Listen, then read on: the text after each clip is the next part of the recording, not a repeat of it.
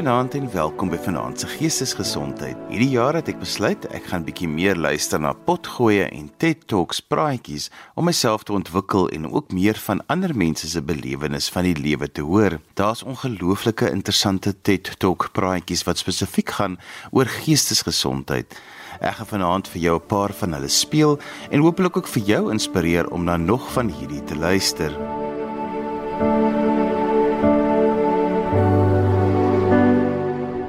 Een van die gewildste TED-praatjies van alle tye is Brené Brown se Power of Vulnerability. Brené Brown noem haarself 'n navorser in kwesbaarheid en moedig mense aan om hulle diepste vrese in die gesig te staar om sodoende te verhoed dat jou wêreld uitmekaar uitval. Kom ons luister na 'n uittreksel uit hierdie TED-praatjie.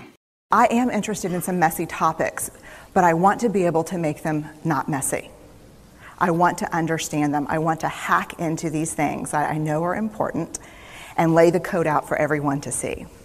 So, where I started was with connection, because by the time you're a social worker for 10 years, what you realize is that connection is why we're here.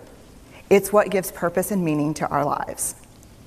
This is, this is what it's all about. It doesn't matter whether you talk to people who work in social justice and mental health and abuse and neglect. What we know is that connection, the ability to feel connected, is neurobiologically, that's how we're wired, it's why we're here. So I thought, you know what, I'm going to start with connection. Well, you know that, that situation where you get an evaluation from your boss and she tells you 37 things that you do really awesome and one thing that you can't, you know, an opportunity for growth. um, and all you can think about is that opportunity for growth, right? Well, apparently, this is the way my work went as well, because when you ask people about love, they tell you about heartbreak. When you ask people about belonging, they'll tell you their most excruciating experiences of being excluded. And when you ask people about connection, the stories they told me were about disconnection.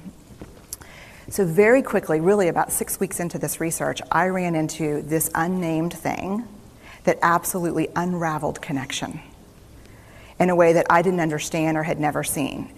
And so I pulled back out of the research and thought, I need to figure out what this is. And it turned out to be shame. And shame is really easily understood as the fear of disconnection. Is there something about me that if other people know it or see it, that I won't be worthy of connection? The things I can tell you about it, it's universal. We all have it. The only people who don't experience shame have no capacity for human empathy or connection. No one wants to talk about it, and the less you talk about it, the more you have it. What underpinned this shame, this I'm not good enough, which we all know that feeling I'm not blank enough, I'm not thin enough, rich enough, beautiful enough, smart enough, promoted enough. Um, the thing that underpinned this was excruciating vulnerability. This idea of, in order for connection to happen, we have to allow ourselves to be seen, really seen. And you know how I feel about vulnerability. I hate vulnerability. And so I thought, this is my chance to beat it back with my measuring stick. I'm going in, I'm going to figure this stuff out, I'm going to spend a year, I'm going to totally deconstruct shame, I'm going to understand how vulnerability works, and I'm going to outsmart it. So I was ready, and I was really excited. As you know, it's not going to turn out well. Um, you know this. So I could tell you a lot about shame, but I'd have to borrow everyone else's time. But here's what I can tell you that it boils down to. And this may be one of the most important things that I've ever learned in the decade of doing this research. My one year has turned into six years, thousands of stories, hundreds of long interviews, focus groups. At one point, people were sending me journal pages and sending me their stories, um, thousands of pieces of data um, and six years. And I kind of got a handle on it. I kind of understood this is what shame is, this is how it works. I wrote a book, I published a theory, but something was not okay. Um, and what it was is that if I roughly took the people I interviewed and divided them into people who really have a sense of worthiness, that's what this comes down to a sense of worthiness. They have a strong sense of love and belonging and folks who struggle for it, and folks who are always wondering if they're good enough. There was only one variable that separated the people who have a strong sense of love and belonging and the people who really struggle for it, and that was the people who have a strong sense of love and belonging believe they're worthy of love and belonging. That's it. They believe they're worthy. And to me, the hard part of the one thing that keeps us out of connection is our fear that we're not worthy of connection was something that personally and professionally I felt like I needed to understand better. So, what I did is I took all of the interviews where I saw worthiness, where I saw people living that way, and just looked at those. What do these people have in common? And I have, I have a slight office supply addiction, but that's another talk. Um, so I had a manila notebook, a manila folder, and I had a Sharpie. And I was like, what am I going to call this research? And the first words that came to my mind were wholehearted. These are kind of wholehearted people living from this deep sense of worthiness. So I wrote at the top of the manila folder and I started looking at the data. In fact, I did it first in this very four, in a four day, very intensive data analysis where I went back, pulled these interviews, pulled the stories, pulled the incidents. What's the, what's the theme? What's the pattern? My husband left town with the kids. Um, because I always go into this kind of Jackson Pollock crazy thing where I'm just like writing and, and going and kind of just in my researcher mode. And so here's what I found what they had in common was a sense of courage. And I want to separate courage and bravery for you for a minute. Courage, the original definition of courage, when it first came into the English language, it's from the Latin word cur, meaning heart. And the original definition was to tell the story of who you are with your whole heart. And so these folks had, very simply, the courage to be imperfect. They had the compassion to be kind to themselves first and then to others, because as it turns out, we can't practice compassion with other people if we can't treat ourselves kindly. And the last was they had connection, and this was the hard part, as a result of authenticity. They were willing to let go of who they thought they should be in order to be who they were, which is you have to absolutely do that for connection. The other thing that they had in common was this they fully embraced vulnerability. They believed that what made them vulnerable made them beautiful. Ons het geluister na uittreksel van die TED-praatjie van Brené Brown, The Power of Vulnerability, waarin sy verduidelik hoe jy jou eie kwesbaarheid kan gebruik om in jou lewe en werk te oorleef. Jy kan na die hele praatjie luister, Google maar net The Power of Vulnerability, Brené Brown en jy sal daarby uitkom. Dis regtig 'n luister werd. Baie mense sien emosies en om emosioneel te wees soms as 'n teken van swakheid. Nikki Weber Allen sê in haar potgooi dat dit nie so is nie. Al wat dit beteken is dat ons net menslik is. Nadat sy met angs en depressie gediagnoseer is, het Nikki Weber Allen te skaam gevoel om enigiemand te vertel van haar kondisie en het dit toe geheim gehou totdat 'n familietragedie onthul het hoe ander na haar ook elke dag hierteen veg. In hierdie belangrike praatjie oor geestesgesondheid praat sy openlik oor haar stryd en sy noem die praatjie Don't suffer from your depression in silence. Kom ons luister na uittreksel uit hierdie praatjie. What are you doing on this stage in front of all these people? Run. Run now. That's the voice of my anxiety talking. Even when there's absolutely nothing wrong, I sometimes get this overwhelming sense of doom, like danger is lurking just around the corner. You see, a few years ago, I was diagnosed with generalized anxiety and depression, two conditions that often go hand in hand. Now, there was a time I wouldn't have told anybody, especially not in front of a big audience. As a black woman, I've had to develop extraordinary resilience to succeed. And like most people in my community, I had the misconception that depression was a sign of weakness, a character flaw. But I wasn't weak. I was a high achiever. I'd earned a master's degree in media studies and had a string of high profile jobs in the film and television industries. I'd even won two Emmy Awards for my hard work. Sure, I was totally spent I lacked interest in things I used to enjoy, barely ate, struggled with insomnia, and felt isolated and depleted. But depressed? No, not me. Took weeks before I could admit it, but the doctor was right. I was depressed. Still, I didn't tell anybody about my diagnosis. I was too ashamed. I didn't think I had the right to be depressed. I had a privileged life with a loving family and a successful career. And when I thought about the unspeakable horrors that my ancestors had been through in this country so that I could have it better, my shame grew even deeper. I was standing on their shoulders. How could I let them down? I would hold my head up, put a smile on my face, and never tell a soul. On July 4th, 2013, my world came crashing in on me. That was the day I got a phone call from my mom telling me that my 22 year old nephew Paul had ended his life after years of battling depression and anxiety. There are no words that can describe the devastation I felt. Paul and I were very close, but I had no idea he was in so much pain. Neither one of us had ever talked to the other about our struggles. The shame and stigma kept us both silent. Now, my way of dealing with adversity is to face it head on. So I spent the next two years researching depression and anxiety, and what I found was mind blowing. The World Health Organization reports that depression is the leading cause of sickness and disability in the world. While the exact cause of depression isn't clear, research suggests that most mental disorders develop, at least in part, because of a chemical imbalance in the brain and or an underlying genetic predisposition. So you can't just shake it off.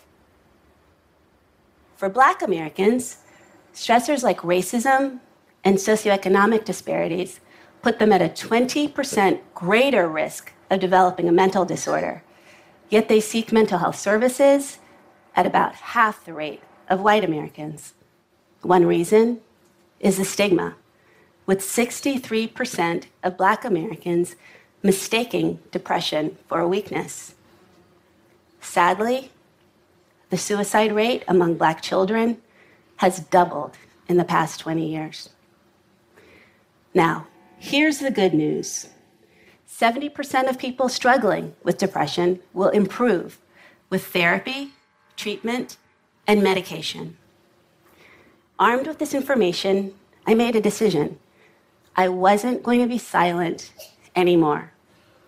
With my family's blessing, I would share our story in hopes of sparking a national conversation. A friend, Kelly Pierre-Louis, said, Being strong is killing us. She's right. We have got to retire those tired old narratives of the strong black woman and the super masculine black man who, no matter how many times they get knocked down, just shake it off and soldier on. Having feelings isn't a sign of weakness. Feelings mean we're human. And when we deny our humanity, it leaves us feeling empty inside, searching for ways to self medicate in order to fill the void. My drug was high achievement. These days, I share my story openly, and I ask others to share theirs too. I believe that's what it takes to help people who may be suffering in silence to know that they are not alone and to know that with help, they can heal. Now, I still have my struggles, particularly with the anxiety, but I'm able to manage it through daily meditation, yoga, and a relatively healthy diet. if I feel like things are starting to spiral, I make an appointment to see my therapist, a dynamic black woman named Dawn Armstrong who has a great sense of humor and a familiarity that I find comforting. I will always regret that I couldn't be there for my nephew. But my sincerest hope is that I can inspire others with the lesson that I've learned. Life is beautiful. Sometimes it's messy and it's always unpredictable but it will all be okay when you have your support system to help you through it. I hope that if your burden gets too heavy, you'll ask for a hand too. Thank you. Ons het geluister na Don't Suffer from Your Depression in Silence, 'n TED Talk praatjie deur Nikki Webber Allen. As jy daarna wil luister, Google net Don't Suffer from Your Depression in Silence en jy sal daarby uitkom. Volgende gaan ons luister na 'n TED Talk praatjie deur Sangodel. Hy noem dit there's no shame in taking care of your mental health. Toe stres hom te veel geword het, moes hy sy eie diep vooroordeel konfronteer van dat mans nie na hulle geestesgesondheid hoef om te sien nie. In hierdie diep persoonlike praatjie deel Sangudel hoe hy geleer het om angs te hanteer in 'n samelewing wat ongemaklik is met emosies. Kom ons luister na Etreksel. Last year was hell. I was going through a lot of personal turmoil. Faced with enormous stress, I suffered an anxiety attack. On some days, I could do no work. On other days, I just wanted to lay in my bed and cry. My doctor asked if I'd like to speak with a mental health professional about my stress and anxiety. Mental health? I clammed up and violently shook my head in protest. I felt a profound sense of shame. I felt the weight of stigma. I have a loving, supportive family and incredibly loyal friends, yet I could not entertain the idea of speaking to anyone about my feeling of pain. I felt suffocated by the rigid architecture of our African masculinity. People have real problems, Sangu. Get over yourself. The first time I had mental health, I was a boarding school student, fresh off the boat from Ghana at the Peddie School in New Jersey.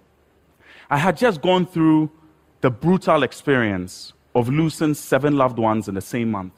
The school nurse, concerned about what I had gone through, God bless her soul, she inquired about my mental health. Is she mental? I thought. Does she not know I'm an African man? Like Okonkwo and Things Fall Apart, we African men neither process nor express our emotions we deal with our problems. We deal with our problems.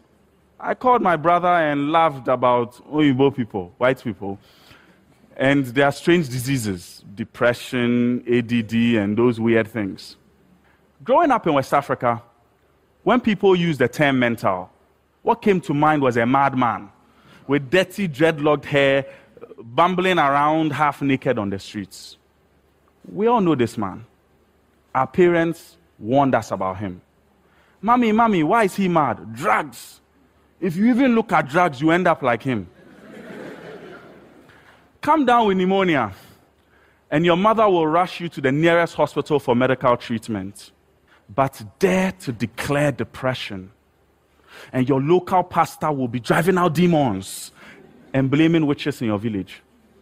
According to the World Health Organization, mental health is about being able to cope with the normal stresses of life, to work productively and fruitfully, and to be able to make a contribution to your community.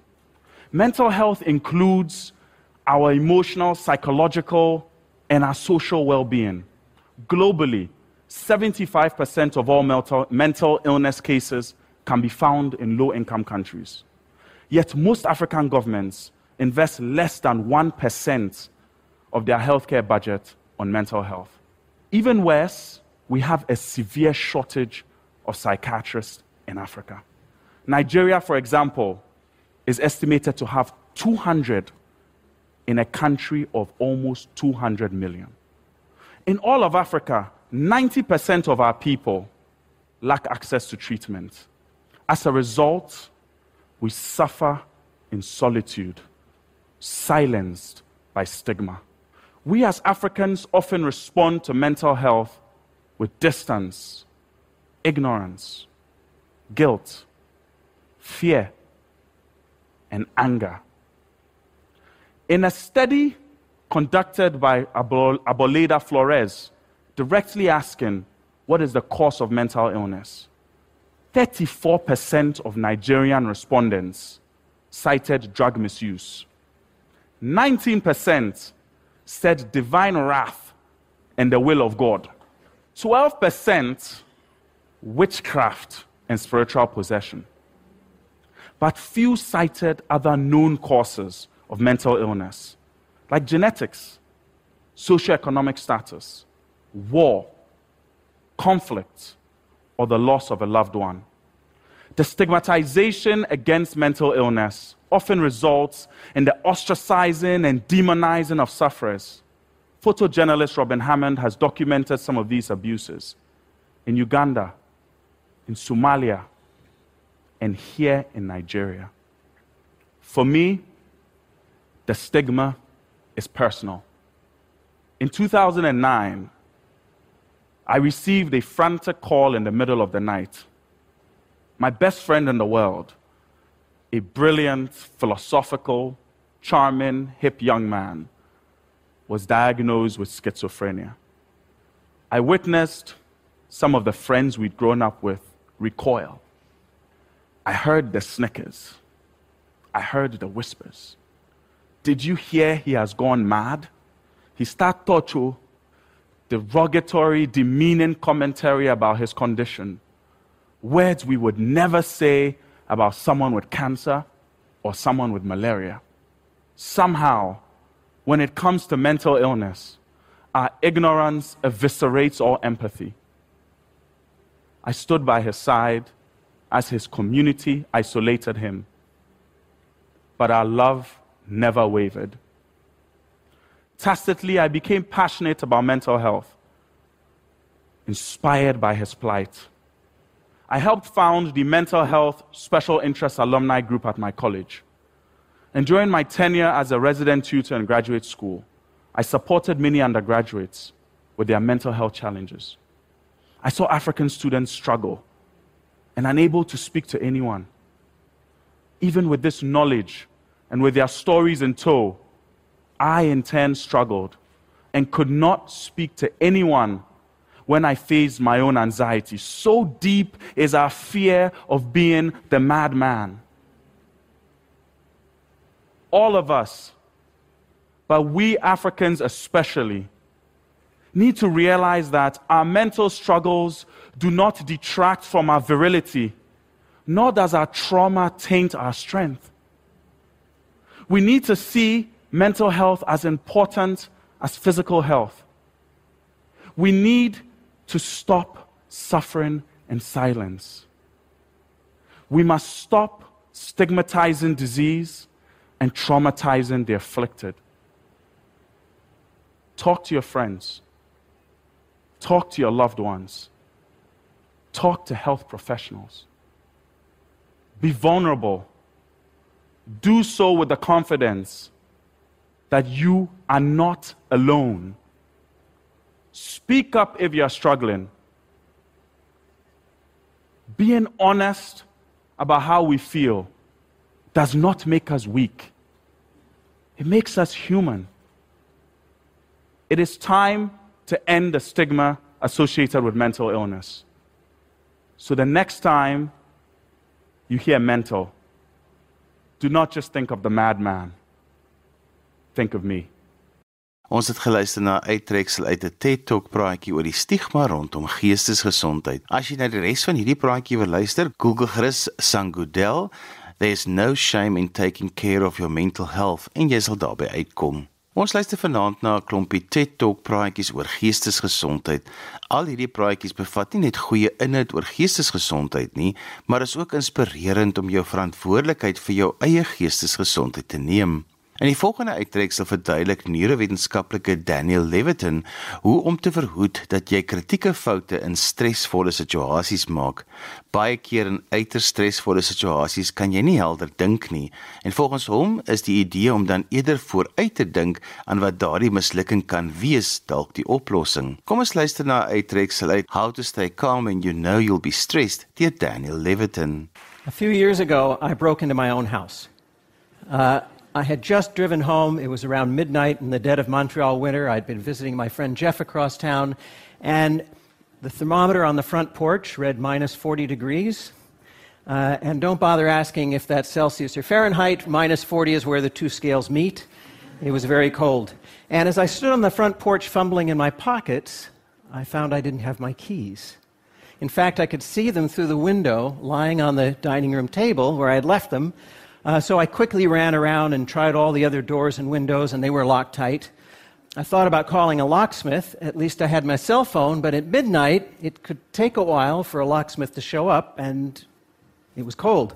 Uh, I couldn't go back to my friend Jeff's house for the night because I had an early flight to Europe the next morning and I needed to get my passport and my suitcase. So, desperate and freezing cold, I found a large rock and I broke through the basement window, cleared out the shards of glass. I crawled through. I found a piece of cardboard and taped it up over the whole opening, figuring that in the morning, on the way to the airport, I could call my contractor and ask him to, to fix it. This was going to be expensive, but probably no more expensive than a middle of the night locksmith. So I figured, under the circumstances, I was coming out even. Now, I'm a neuroscientist by training, and I know a little bit about how the brain performs under stress. It releases cortisol, that raises your heart rate, it uh, modulates adrenaline levels, and it clouds your thinking. So the next morning, when I woke up on too little sleep, worrying about the hole in the window and the mental note that I had to call my contractor and the freezing temperatures and the meetings I had upcoming in Europe, and you know, with all the cortisol in my brain, my thinking was cloudy, but I didn't know it was cloudy because my thinking was cloudy. And it wasn't until I got to the airport check-in counter that I realized I didn't have my passport. So I raced home in the snow and ice, 40 minutes, got my passport, raced back to the airport. I made it just in time, but they had given away my seat to someone else, so I got stuck in the back of the plane next to the bathrooms in a seat that wouldn't recline on an eight hour flight. Well, I had a lot of time to think during those eight hours of no sleep. And I started wondering are there things that I can do, systems that I can put into place that'll prevent bad things from happening? or at least if bad things happen, will minimize the likelihood of it being a total catastrophe. Uh, so I started thinking about that, but my thoughts didn't crystallize until about a month later. I was having dinner with my colleague Danny Kahneman, the Nobel Prize winner, and I somewhat embarrassedly told him about having broken my window and you know forgot my passport. And Danny shared with me that he'd been practicing something called prospective hindsight. Uh, It's something that he had gotten from the psychologist Gary Klein, who had written about it a few years before, also called the premortem. Now, you all know what the postmortem is. Whenever there's a disaster, a you know, team of experts come in and they try to figure out what went wrong, right? Well, in the premortem, Danny explained, you look ahead and you try to figure out all the things that could go wrong, and then you try to figure out what you can do to prevent those things from happening or to minimize the damage. So, what I want to talk to you about today are some of the things we can do in the form of a premortem. Some of them are obvious, some of them are not so obvious. I'll start with the ob- obvious ones. Around the home, designate a place for things that are easily lost. Now, this sounds like common sense, and it is, but there's a lot of science to back this up based on the way our spatial memory works.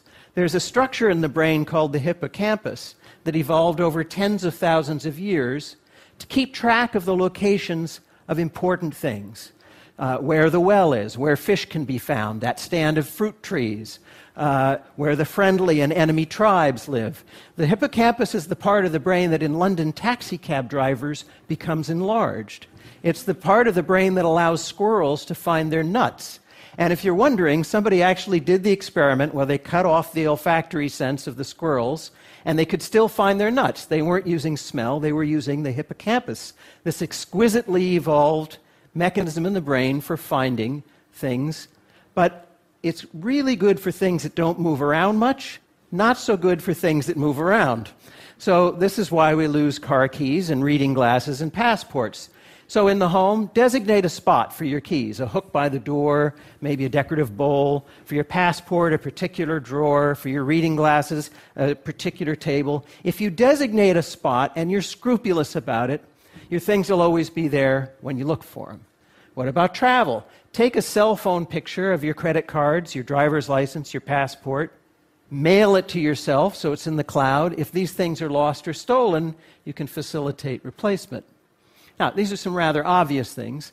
Uh, remember, when you're under stress, the brain releases cortisol. Cortisol is toxic and it causes cloudy thinking. So, part of the practice of the premortem is to recognize that under stress, you're not going to be at your best and you should put systems in place. So, The idea of the premortem is to think ahead of time to the questions that you might be able to ask that will push the conversation forward. You don't want to have to manufacture all of this on the spot. And you also want to think about things like quality of life because you have a choice oftentimes. Do I want a shorter life that's pain free or a longer life that might have a great deal of pain towards the end?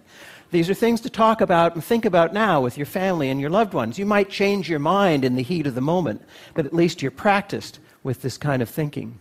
Remember, our brain uh, under stress releases cortisol. And one of the things that happens at that moment is a whole bunch of systems shut down.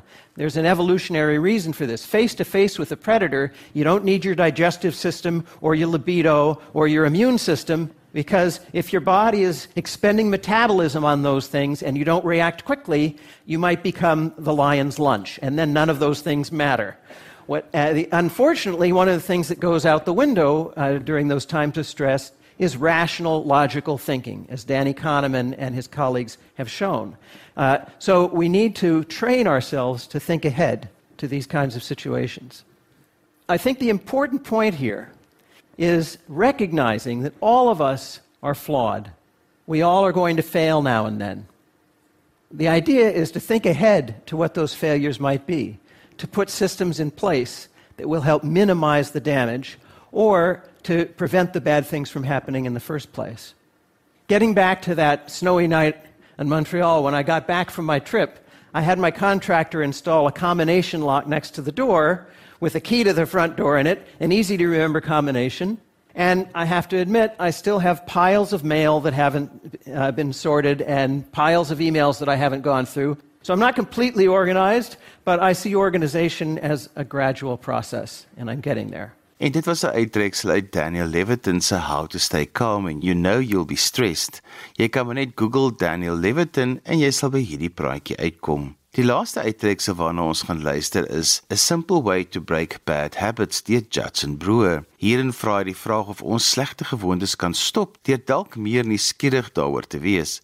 As 'n psigiater spesialiseer Judson Brewer in die verhouding tussen bewustheid en verslawing, van rook tot ooreet tot al die ander dinge wat ons doen alhoewel ons weet dat dit sleg is vir ons. Kom ons luister na A Simple Way to Break Bad Habits deur Judson Brewer. So, why is it so hard to pay attention? Well, studies show that even when we're really trying to pay attention to something, like maybe this talk, at some point about half of us will drift off into a daydream or have this urge to check our Twitter feed. So, what's going on here? It turns out that we're fighting one of the most evolutionarily conserved learning processes currently known in science, one that's conserved back to the most basic nervous systems known to man. This reward based learning process is called positive and negative reinforcement and basically goes like this. We see some food that looks good. Our brain says, calories, survival. We eat the food, we taste it, it tastes good. And especially with sugar, our body sends a signal to our brain that says, remember what you're eating and where you found it. We lay down this context dependent memory and learn to repeat the process next time. See food, eat food, feel good, repeat. Trigger, behavior, reward. Simple, right?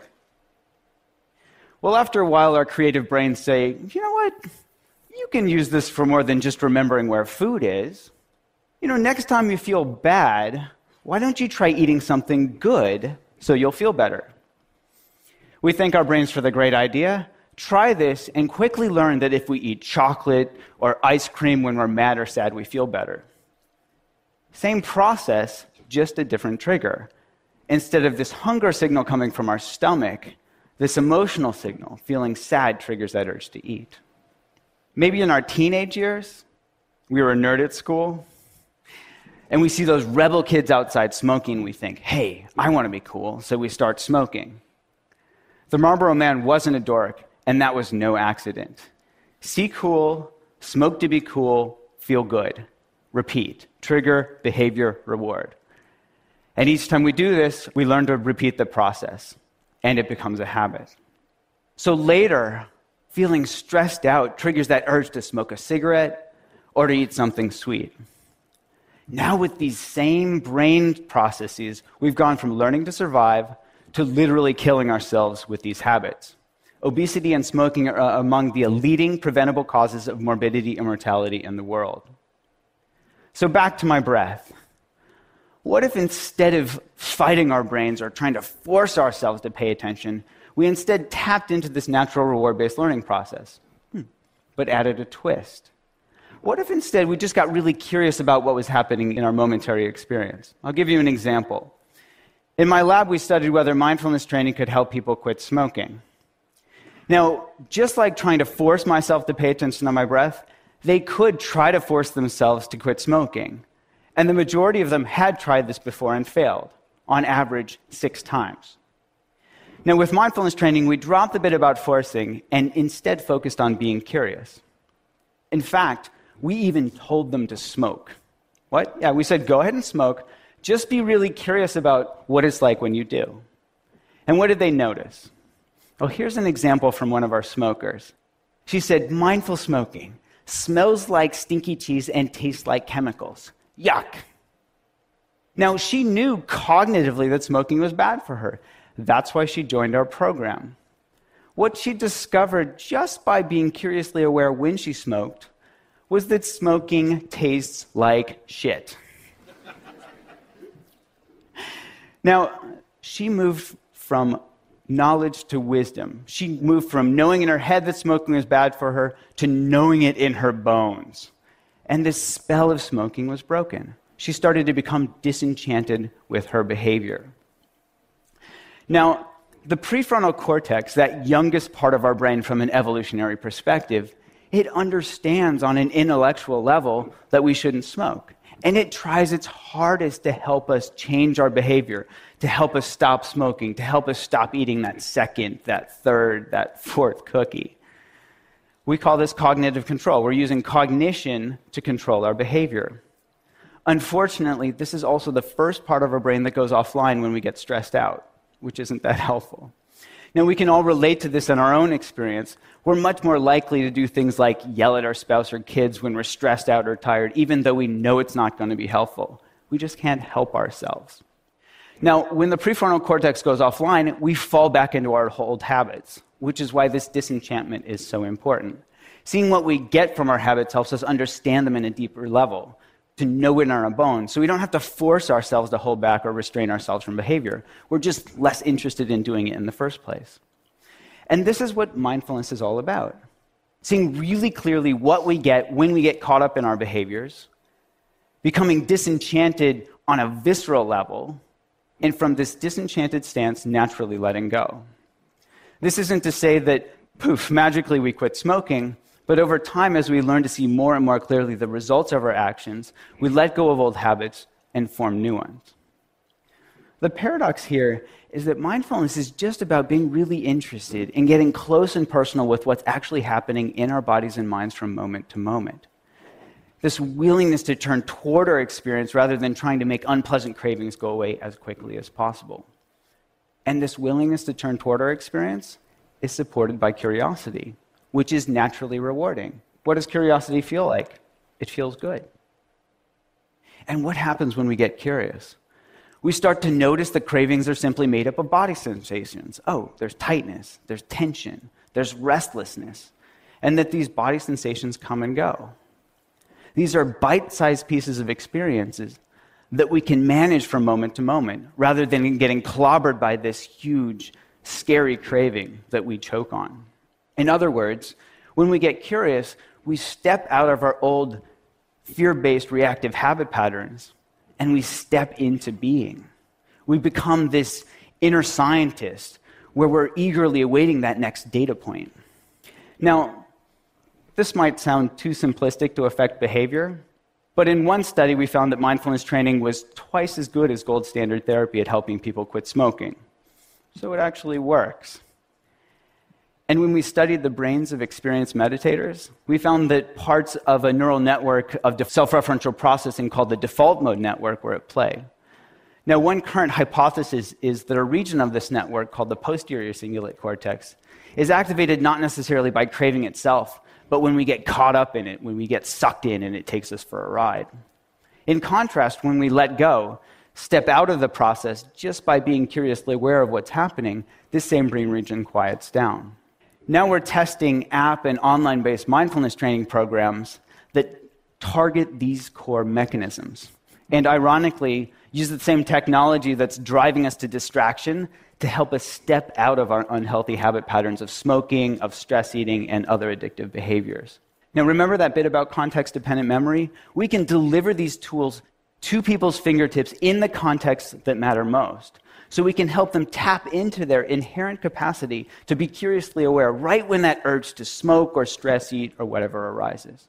So if you don't smoke or stress eat, maybe the next time you feel this urge to check your email when you're bored or you're trying to distract yourself from work, or maybe to compulsively respond to that text message when you're driving, see if you can tap into this natural capacity, just be curiously aware of what's happening in your body and mind in that moment. It will just be another chance to perpetuate one of our endless and exhaustive habit loops, or step out of it. Instead of see text message, compulsively text back, feel a little bit better, notice the urge, get curious, feel the joy of letting go, and repeat.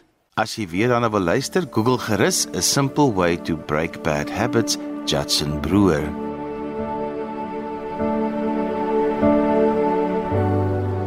En daarmee ons gekom aan die einde van vanaand se geestesgesondheid. Onthou jy kan weer na vanaand se program luister as 'n potgooi. Laai dit af by resgep.co.za. Skryf gerus vir my 'n e e-pos by Johanvanlull@gmail.com en onthou daai Johan het net een N. En daarmee groet ek dan vir vanaand. Kyk mooi na jouself. Tot volgende keer van my Johan van Lill. Totsiens. thank you